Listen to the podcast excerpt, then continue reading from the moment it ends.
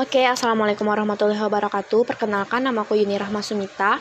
Di sini aku akan berbagi tentang keteladanan salah satu tokoh Islam inspirasi aku, yaitu Muhammad Al-Fatih. Nah, kenapa sangat menginspirasi?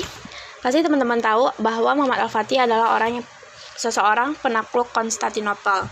Jadi Muhammad Al-Fatih itu sejak kecil dia udah dididik sama ayahnya dengan intensif agar dia menjadi seorang ulama terbaik Nah, keteladan yang banyak ceritanya cukup panjang uh, dan itu akan aku bikin selanjutnya, tetapi aku akan bercerita sedikit tentang keteladanan Muhammad Al-Fatih. Jadi yang pertama, Muhammad Al-Fatih ini adalah seorang yang ambisi, tetapi ambisinya ini terarah teman-teman. Kenapa terarah? Karena ambisinya itu untuk menaklukkan Konstantinopel dan ambisinya itu untuk uh, jihad visabilillah berambisi untuk mempelajari segala ilmu-ilmu agama, ilmu-ilmu disiplin lainnya.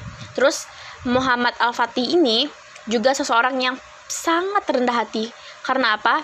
Dari sedikit cerita penaklukan Konstantinopel setelah uh, penaklukan setelah Konstantinopel itu ditaklukkan, jadi Muhammad Al-Fatih ini pergi ke Hagia Sophia. Di sana um, dia menjadikan gereja sebagai masjid uh, dan ketika udah sampai di penghujung Ayah Sofia di tempat apa ya uh, aku lupa namanya. Pokoknya tetap di, di dalam Ayah Sofia.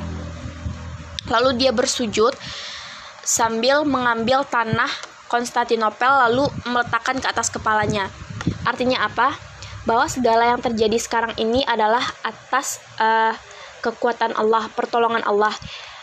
Uh, Muhammad Al-Fatih hanyalah seorang manusia yang diciptakan oleh Allah dari tanah dan segala kemenangan ini adalah datangnya dari Allah.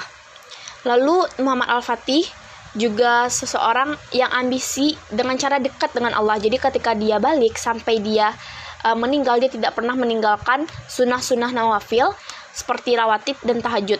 Karena dia ingin menjadi panglima terbaik, otomatis untuk menjadi panglima terbaik dia harus menjadi uh, seseorang yang ibadahnya lebih gitu seperti yang aku bilang tadi nggak pernah ninggalin sunnah-sunnah nawafil. Uh, terus dia mempunyai uh, semboyan sendiri yaitu jangan katakan kepada saya kalau kamu belum mencoba.